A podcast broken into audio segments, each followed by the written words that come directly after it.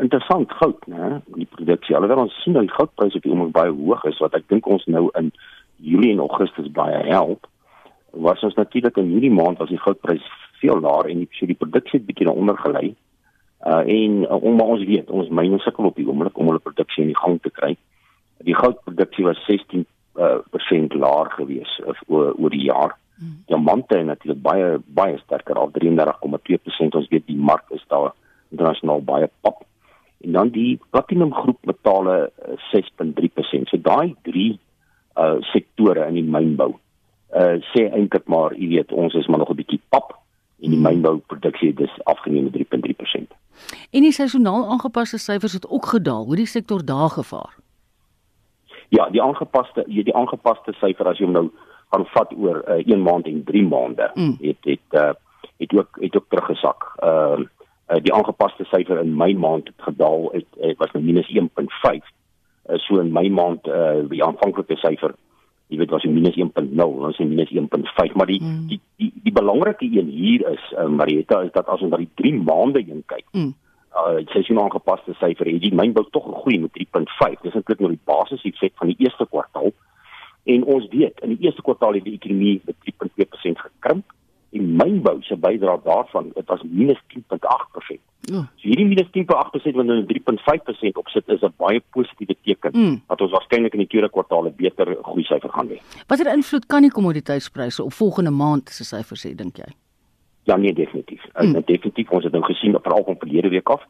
Uh ook die onsekerheid in die wêreldekonomie as gevolg van die handelsoorlog uh dat die uh, uh, weet goud as 'n waardedraer se pryse uit vandag weer oor die 1500 gestyg. Dit gaan definitief 'n bydrae net vir die goud, maar ook eintlik landbou die verkope kant, né? Want as mense aan die verkope kant kyk, uh jy weet da, da, jy weet daardie proses 'n bietjie dadelik het 'n bietjie anderste. Aan die verkope kant het hy uh uh, uh alhoewel hy maand tot maand minus 2.3% was, is hy ook oor die kwartaal ook positief op 2.6 en dit gaan ook definitief 'n bydrae tot 'n meer positiewe ekonomie. Vervaardigingssyfers is 'n kort rukkie gelede deur Statistiek Suid-Afrika bekend gemaak. Hoe staan sake daar? Marieta die die die dieselfde uh, vir die vir die jaar op jaar syfer. Ehm um, as jy die maand op maand syfer minus 1.5% af. Hmm. Uh in die jaar in die jaar syfer weer minus 3.2, maar daar ook verblywend. Dat die kwartaal syfer met 0.6% gestyg het hierdie lopende kwartaal op die eerste kwartaal want Vervaardiging het ook in die eerste kwartaal, dit saam met landbou en mynbou, jy weet was 'n volle 8.8% af en ons weet landbou was 11% af. Natuurlik die grootste bydrae wat ons almal weet in die eerste kwartaal was natuurlik die ehm uh, die die Eskom se beerkrag. Jy weet jy hmm. kon dood eenvoudig nie, nie vervaardig het nie, hoeveel daar nie.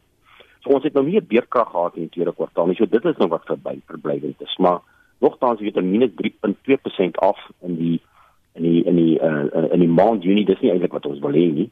Die aangepaste syfer in Mei was hy positief punt 4 uh en in April ook 4.2. So as mens na die kwartaalsyfer kyk, dan begin dinge beter lyk.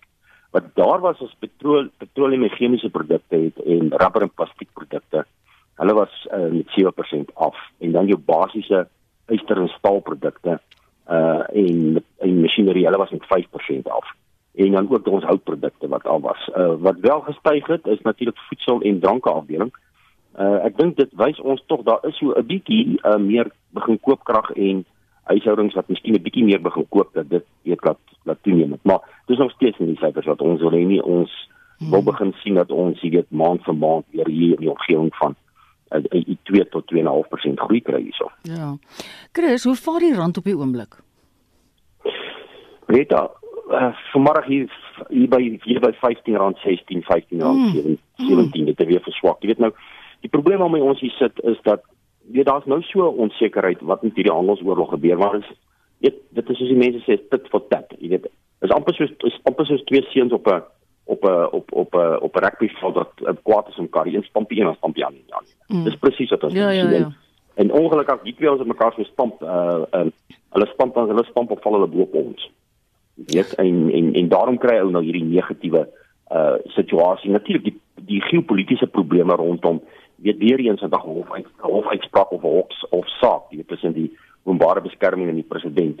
Nou dit maak nie saak wie wen of wat is dit nie. Dit is negatiewe ja. persepsies. Mm. En negatiewe persepsies daar buite lei dat die die wisselkoers uh, inderdaad tog maar uh, besig is om uh, om om baie sterk agteruit te gaan en dit gaan natuurlik nie goed wees vir petrolprys in die begin van Augustus nie als 8 September nie al sou die olieprys uh, wat laer is 'n effek hê en dit so dis kommerwekkend